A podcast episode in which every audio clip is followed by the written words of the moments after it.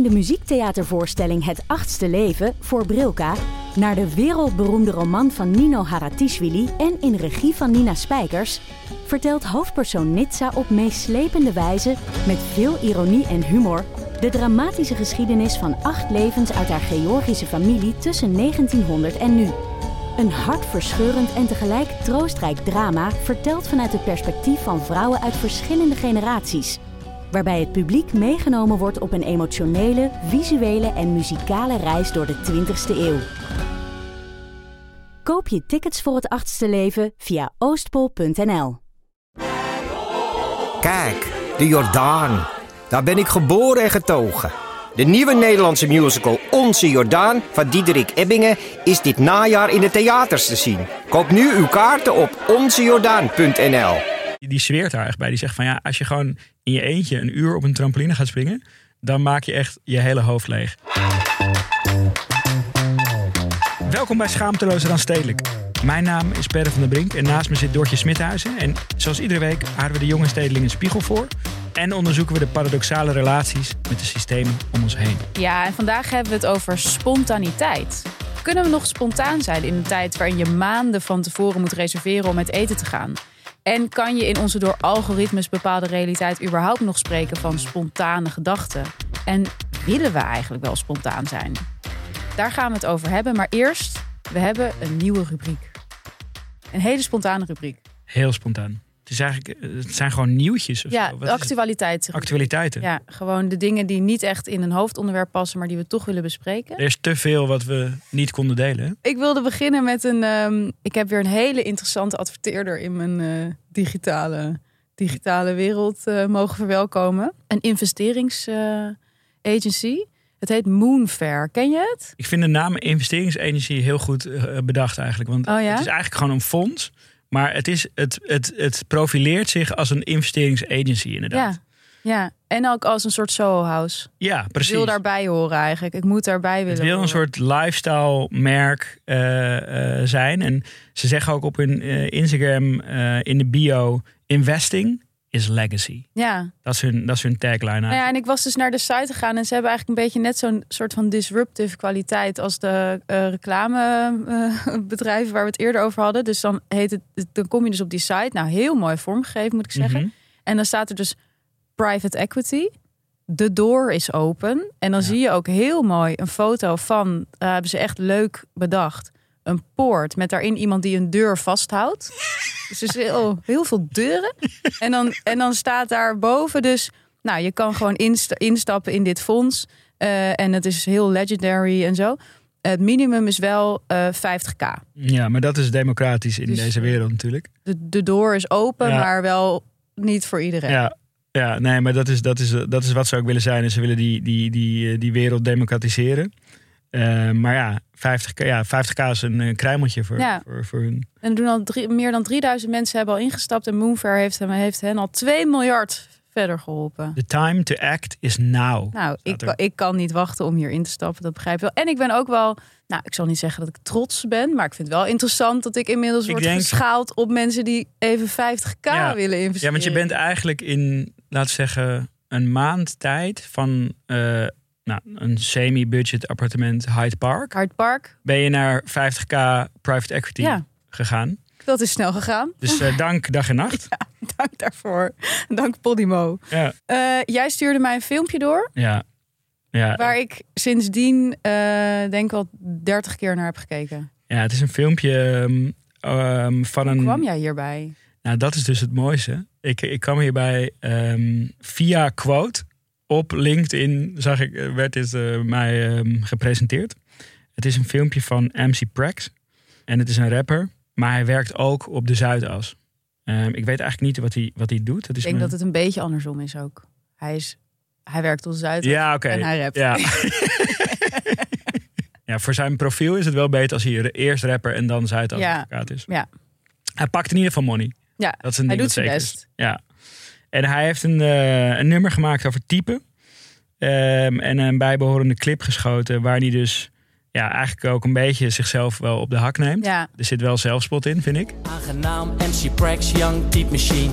Ik typ hele slimme dingen op mijn tweede screen. Of mijn derde screen. Fuck it, ik wil alles zien. Des clean. Maar stiekem ben ik een vieze. Ik probeer me te verliezen in quasi-mystieke types. Dat type gaat Maar ik, ik, ik, ik, ik, ik had gewoon, ik zag dit en toen had ik gewoon zoveel zin om dit naar jou door te sturen. Ja, maar ook omdat het, ik, ik snap het, want ik wil hier gewoon de hele tijd. Ik denk dus dat ik een beetje met deze, met dit heb, wat dus Alexander Klupping heeft met onze podcast.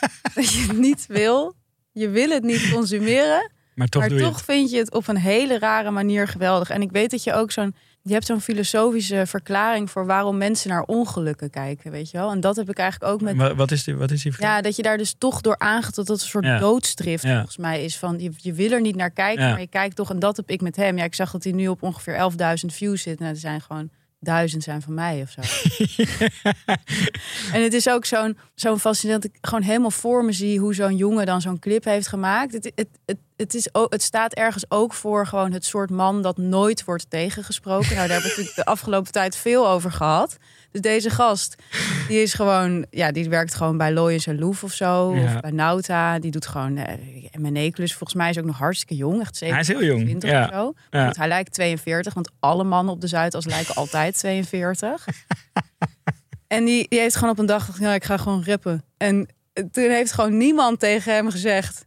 Ja, dat is een beetje een raar idee. En het is gewoon ook een hele andere niche. En eh, daar zijn gewoon ook andere professionals mee bezig. En misschien gewoon niet. En dan zie je dus toch dat die, ja, die soort van gecultiveerde overmoed... dus toch leidt tot in elk geval een vorm van succes. Ja, ja en, Want zi- ik ben er- wel geboeid. en er, zi- er staan ook eigenlijk best wel lieve comments allemaal. Ja, iedereen vindt dat gewoon een mooie gast. Ja. En die zegt gewoon van, oh wat heerlijk dat jij jezelf zo op de hak neemt. En eh, Ja, wat lachen. en ja. iemand zegt, "M- mis nog wel een bridge en een climax in je nummer. Weinig variatie in de akkoorden. ja, dat is de enige kritische reactie. Wellicht zijn er andere mensen die het wel geweldig vinden. Je weet het maar nooit. Ja, Succes. Nou, dat vind ik ook wel sympathiek. Toch? We geven hem het voordeel van de twijfel. Ik ben wel dan weer heel... Want hij zegt dan type, type, type, rennen, rennen voor cliënt. En dat is iets wat mij altijd fascineert als het gaat om dat Zuidas jargon. Mhm. Die mensen zeggen allemaal cliënt. Die nooit Niet- er is geen cliënt. Ja, Nee, precies. er is geen lidwoord. Ja. Alsof het lidwoord Voor daar is. Ik denk dan altijd de cliënt, een cliënt. Waarom is dat? Dat zou ik graag horen van luisteraars die mij kunnen uitleggen eh, waar dat lidwoord is. Of misschien kan hij het zelf. ehm, Of hij, als hij, ik zou graag willen dat hij dat in een rap. ja, in een voice memo rappend naar ons We stuurt. zien het tegemoet eh, en we zijn fan. Thanks MC Prax. Jij zoekt barista's. Ja, ik zoek baristas. Ik heb ehm, een aandeel in een ehm, koffiemerk. Eh, Screaming Beans heet dat. En we hebben nu nog één winkel eh, in negen straatjes in Amsterdam in de Runstraat. Maar we gaan er twee nieuwe openen. Eh, eentje op de Utrechtse straat en eentje op de Amstelstraat. Ook allebei in het centrum van Amsterdam. Oh, leuk. Is heel leuk. En we zoeken daar mensen voor. Dus ik dacht, eh, inmiddels ehm, luisteren er best wel mensen naar Ja, deze podcast. Potentiële barista. Laat ik eens eventjes kijken of daar iets uitkomt. Ehm, dus eh, in de show notes eh, doen we een linkje. Mocht je dat interessant vinden, je kan heel goed koffie maken. Ehm, en je bent een leuk persoon. Reageer. Nou, ben benieuwd.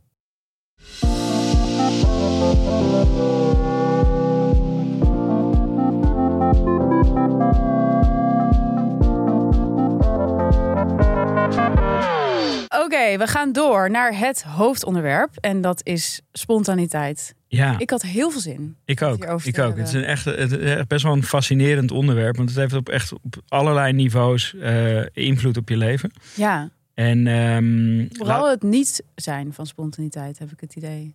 wat? Dat Dat dat we daar veel meer mee bezig zijn dan met daadwerkelijk spontaan Ja, zijn. we zijn vooral heel bang om niet spontaan te zijn, Ja. toch? Of zo. Eh, Heel veel beginnen bij, bij het begin. Jij gebruikt sinds een tijdje gebruik jij Google Calendar. Ja, ik denk sinds een jaar. Ik was, ik was altijd heel erg anti Google Ja. Calendar. Eh, ik had dus ook altijd zo'n moleskin dan als enige nog. Mhm. En dat, maar dat ging op een gegeven moment ging dat gewoon niet meer. Want ik kreeg te vaak ook berichten van mensen van waar ben je? Dat je dan een, een invite had gemist. Had ik natuurlijk niet gezien. En eh, ik schreef ook, ik vergat ook dingen op te schrijven. Het was eigenlijk heel fijn voor mij.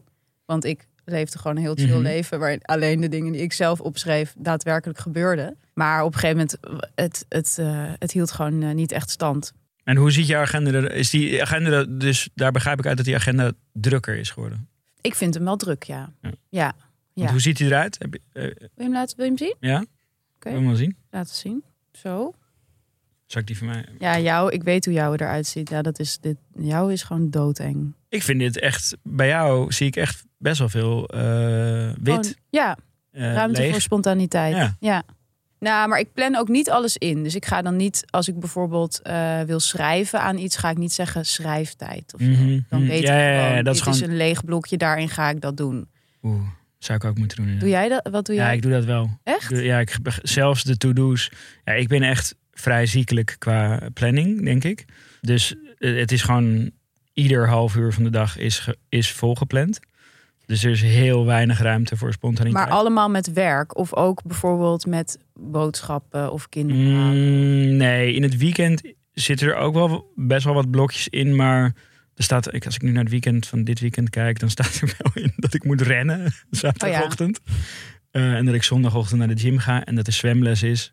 En dan dat, dat er een vriend van me langskomt. En die trampolinehal, staat die er ook in? Nee, ja, heb je die moedwillig eruit gehouden? die heb ik eruit gehouden. ja, nee, dit, eh, daar was ik gisteren. Dat was, eh, was wel heel leuk trouwens. Oh, echt? Ja. Ga jij dan ook op zo'n trampoline? Ja, ja. Nee. nee, maar het ding is, eh, iemand die ik ken, ehm, die, die doet dat dus als een soort hobby. En die, zegt, die, die, die zweert daar echt bij. Die zegt van ja, als je gewoon in je eentje een uur op een trampoline gaat springen, dan maak je echt je hele hoofd leeg. En eh, ik denk dat dat wel klopt. Want eh, ik moet zeggen dat als ik ga best wel vaak met mijn kinderen naar die, naar die trampolinehal. En dan doe ik ook.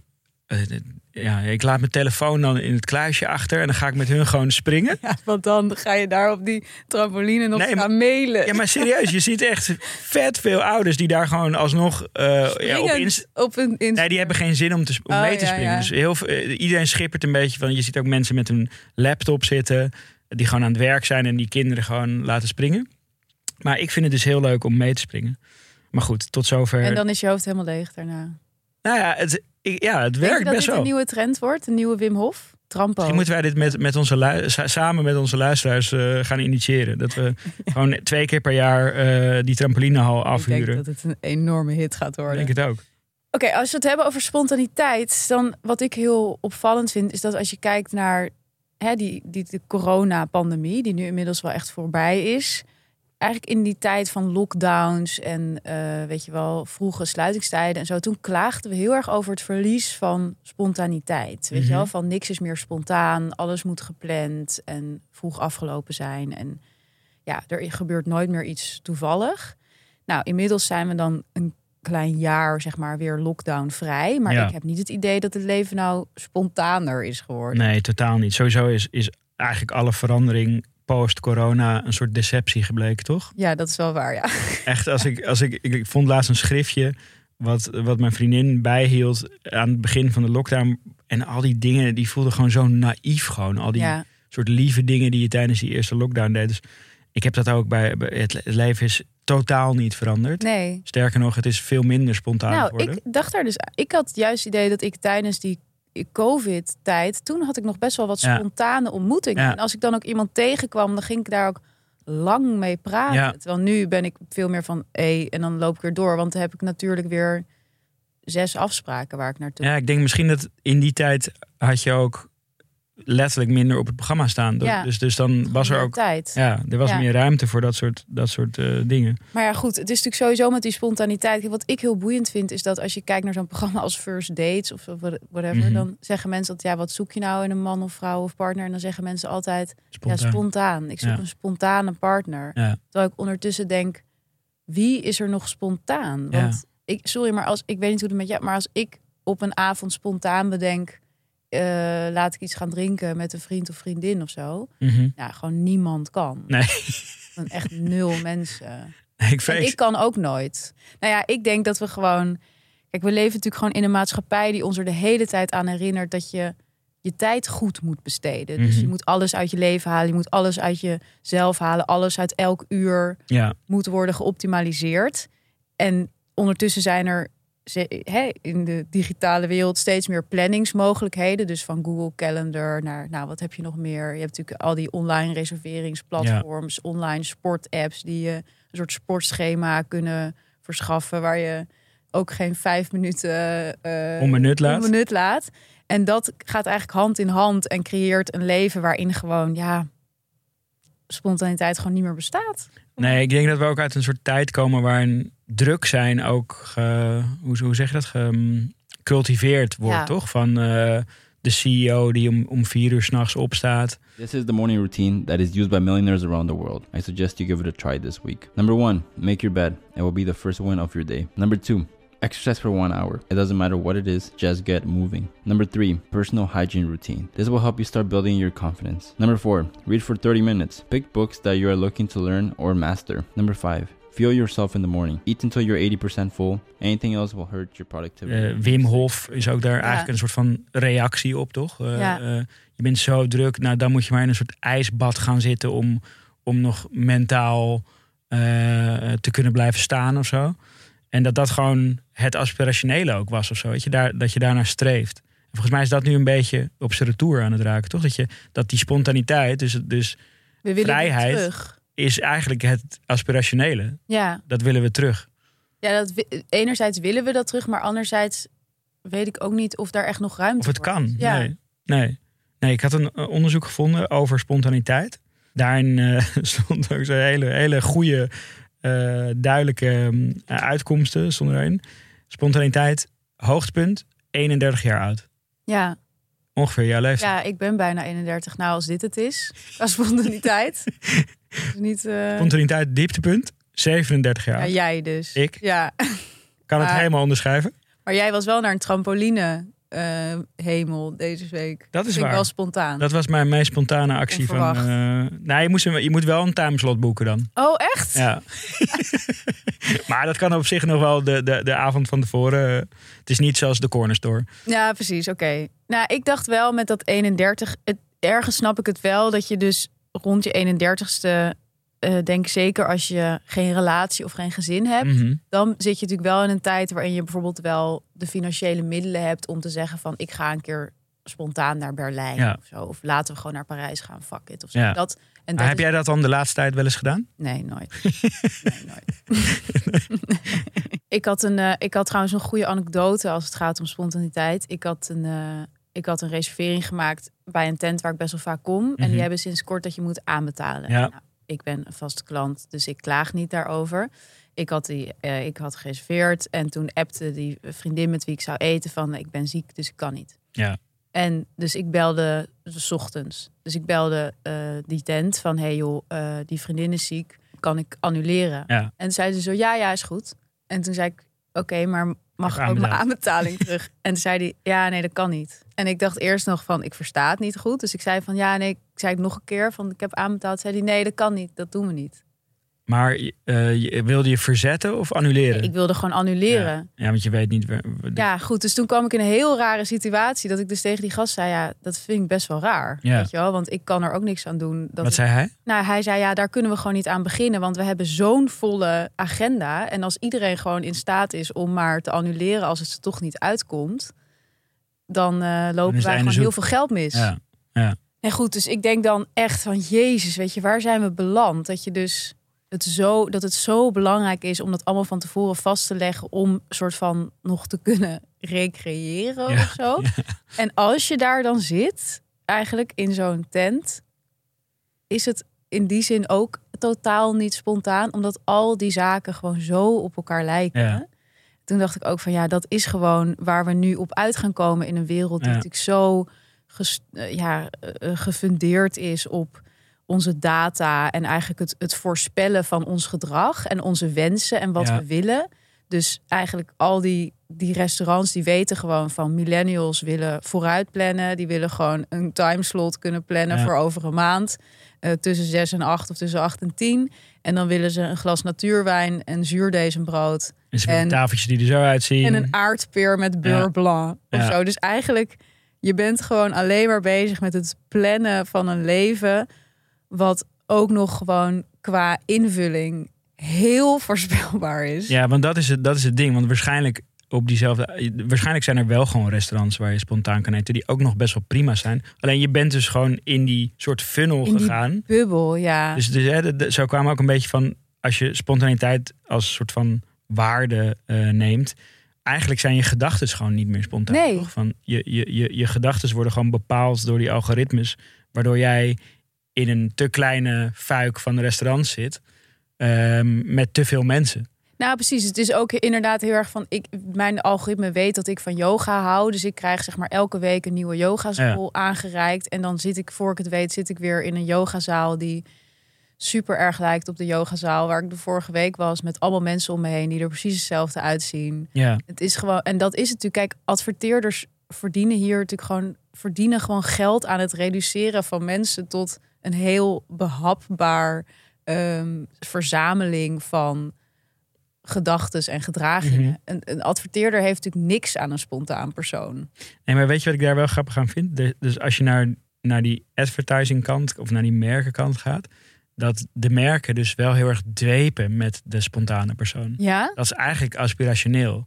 Er eh, eh, Er zijn zoveel campagnes, vooral in de mode is dat echt een ding. Mhm. Eh, waarbij dat dus juist het uitgangspunt is. Dus je had een, een- campagne van, van Eastpak, weet je, dat, dat tassenmerk. Ja? Nou, dat was dan de When is the last time you did something for the first time? En dan heb je Melting Pot, een, een heel gaar jeansmerk uit Italië. Mhm. Life is just an endless journey to nowhere.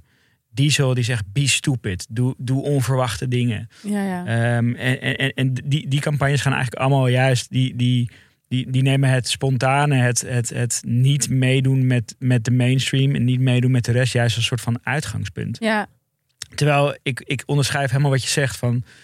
Eh, het is heel handig als iedereen in een soort heel duidelijke bucket zit, want dan kan je gewoon lekker makkelijk targeten. Ja, maar dat is wel het gevolg daarvan is wel, en volgens mij ervaren steeds meer mensen dat, dat, dat het leven gewoon toch een soort herhaling van zetten wordt. Ja, Weet je, of je nou hier bent of in Parijs. ja, Je bent overal bezig met die irritante reserveringsapps. Ja. En vervolgens zit je in een tent die super erg lijkt op wat je al kent. ik vind dat ook eh, in Noord echt Ja. heel erg aan de hand. Toch gewoon eigenlijk iedere tent die nieuw opent, of het nou een restaurant is, een koffietent of een, of een club. Het, het, het, is een soort andere eh, ehm, versie. Versie van een bekende. Ja. ja maar en, en je snapt ook waarom, toch? Want het is natuurlijk een risico om een zaak te Ja. openen. Hè? De gemeente moet je ook eh, zo'n vergunning geven. Ja. En je, je moet gewoon zorgen dat zo'n zo'n zaak vol zit. Dus conformeer je aan wat bewezen succesvol is. Ja. Ik snap dat heel goed. En ja, ik zit er ook weer elke week. Dus Ja, en je wil ook als inderdaad, eh, als mens, eh, als je weinig beschikbare tijd hebt, dan wil je ook inderdaad dat als je daar gaat eten, Ja. dat het ook niet kut is of zo. Nou ja, Dus- dat is het. Het is natuurlijk optimalisatie. Dus Ja. we zijn zo. Dat is ook een heel interessant artikel in ehm The Atlantic was dat over workism. Dat is Mhm. al van een paar jaar geleden. Maar daarin beschrijft eh Dirk Thompson, sowieso echt een supergoeie journalist, hoe eigenlijk werk de nieuwe religie is geworden. Dus dat Ja. we eigenlijk eh, het idee, Marx had het idee van de wereld gaat uiteenvallen in mensen die eh, weinig werken en dan veel leisure tijd hebben. Dat zijn Mhm. dan de, de, de elite mensen, Ja. zeg maar. En daaronder heb je dan de mensen die hard moeten werken en weinig tijd hebben voor recreatie. Ja. Maar wat er eigenlijk is gebeurd, is dat we, doordat we gewoon eigenlijk geen waarden meer hebben, we eigenlijk die, we zijn gewoon alles gaan zien als werk. die, die, die zingeving in het werk zoeken. Nou, zingeving in het werk, maar dus ook de recreatie als werk gaan beschouwen. Dus dat moet ook gepland en geperfectioneerd en een soort van met een soort van winst. Insta-waardig. Met- Ja, ja, Ja. precies. Ja. Het is gewoon ook een manier om soort van te optimaliseren geworden. Ja. Wel wat treurig ook. Ja, inderdaad. We moeten een beetje naar, naar een soort van. We moeten naar een, naar een, een positieve twist.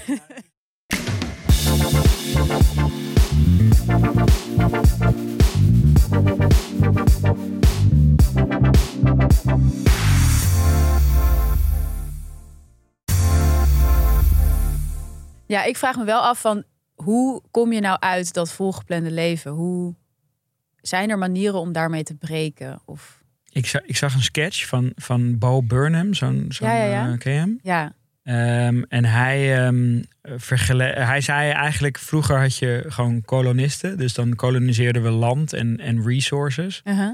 Eh, ehm, en nu is, is eigenlijk je mind gekoloniseerd door big tech eigenlijk. ja, Ik vond het best wel een interessante ver- vergelijking. heel waar denk ik ook. En volgens mij, een, een, goede vriend van mij, Freddy, hij is echt mega goed in zichzelf vervelen. Dus hij kan gewoon soms uren in bad zitten. En dan zit, hij, dan zit hij gewoon in bad niks te doen. En dan komt hij eruit en dan vindt hij dat helemaal top. Ja, En hij, hij zegt altijd tegen mij van ja, kap nou met dat leven van jou, weet je. Van stop met die, met die agenda en zorg dat je dit ook doet. Want dit is helemaal niet goed voor creativiteit, weet je wel, wat je, hoe, je, hoe je leeft. Het is niet een soort op-afroep. ja, Ehm, dus zijn pleidooi is eigenlijk, je komt eruit door je te vervelen of zo. Een soort pleidooi voor ik verveling. sprak hierover ook een keer. Ik werd een keer geïnterviewd door BNR. Mhm. Toen sprak daar die interviewer daar. En dat, dat was zo'n zo'n gast die ook helemaal nou ja, een soort Wim Hof van de techwereld. Ja. Zeg maar.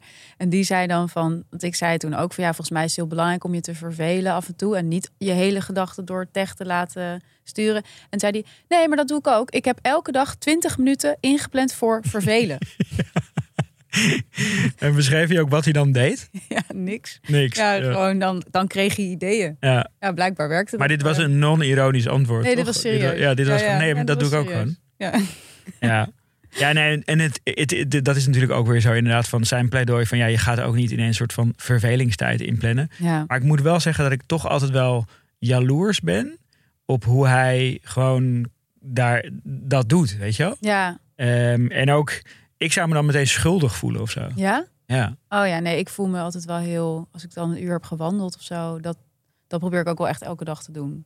En ik geloof maar zie je, maar kijk, in. dat is ook weer zo van, ja precies. Dus dan is het een investering in ja, het idee precies. Doe je van het daarna. om ideeën te Ja. krijgen of doe je het echt... hij doet het echt letterlijk om, Ja. omdat hij gewoon denkt van dit is gewoon chill. Ja, dat is gewoon... eh, Dat is wel echt is soort volgende niveau van, van eh, spontaniteit, denk ik. Totaal. En ik, wat, wat ik eigenlijk een beetje dacht over, als we het hadden over dat verlies van spontaniteit, hè, waar mensen dus over klaagden in corona, dus dat, dat het daar dan heel erg over ging en dat je nu denkt, ja, waar hadden we het eigenlijk over? Want zo spontaan zijn we niet. Is het volgens mij bedoelden we eigenlijk niet spontaniteit. Volgens mij bedoelden we gewoon ruimte om meer verschillende consumptiekeuzes te maken. We zijn natuurlijk zo, zo soort van gewired dat alles wat we doen om ons leven vorm te geven, ons, onze identiteit vorm te geven, dat dat consumeren is. En op het moment dat ons dat wordt afgenomen, dan, dan hebben we het daar nostalgisch over als zijnde de spontaniteit van vroeger. Terwijl volgens mij was het gewoon op meer plekken kunnen eten en meer dingen kunnen doen. Ja. ik moet de hele tijd denken. Ik weet niet of dit helemaal off topic is, maar ik had een keer ruzie met mijn vriendin. Ja. En, en het ging dus over, ja, je werkt te veel, bla bla. Ehm, en toen zei zij van, ja, wat, wat, wat zijn nou eigenlijk jouw hobby's? Eh, je hebt niet eens hobby's, volgens mij. En toen zei ik zo van, ja, ehm, ik, werd- ik werd ook overvallen door die vraag. Ja. En zei ik, ja, content consumeren. en eh, dat, dat is mijn, eh, dat is mijn hobby. Dat is ook gewoon een hobby. Ja, Eh, dat telt ook mee. Is dat wel. mag er ook zijn. mag gewoon een hobby zijn. Maar ik moet eraan denken, omdat je dat, het, dat consumeren, dat dat Ja. dan een soort van de, de ultieme vrijheid. Het is ook wel grim hoor. Dit. Ja, maar ik denk wel echt dat het zo is. Ja. Maar in het kader daarvan, ik had nu laatst wel weer een heel grappig product op de radar. Een start-up.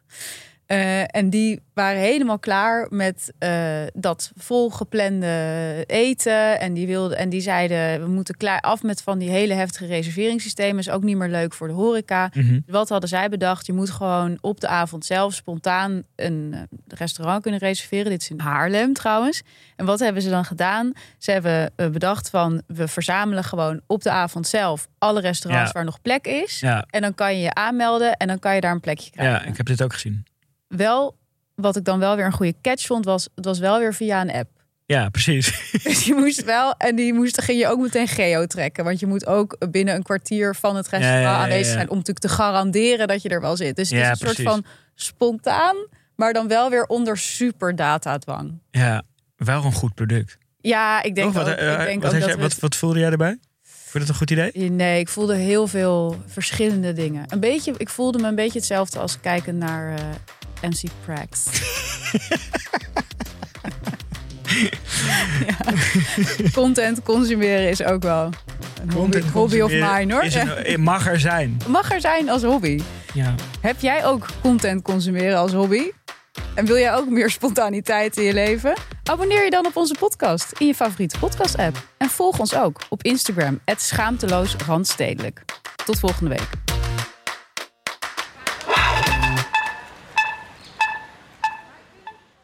Nog even over die grootse en epische muziektheatervoorstelling. Het achtste leven voor Brilka is een marathonvoorstelling van 5 uur. Koop je tickets voor deze bijzondere theateravond via oostpol.nl. Luister nu naar de Mondkapjesmiljonairs. Een serie over de grootste mondkapjesschandalen van Europa. Want wist je dat Siewert helemaal niet uniek is? De Mondkapjesmiljonairs, exclusief op Podimo. Ga naar podimo.nl slash mondkapjes.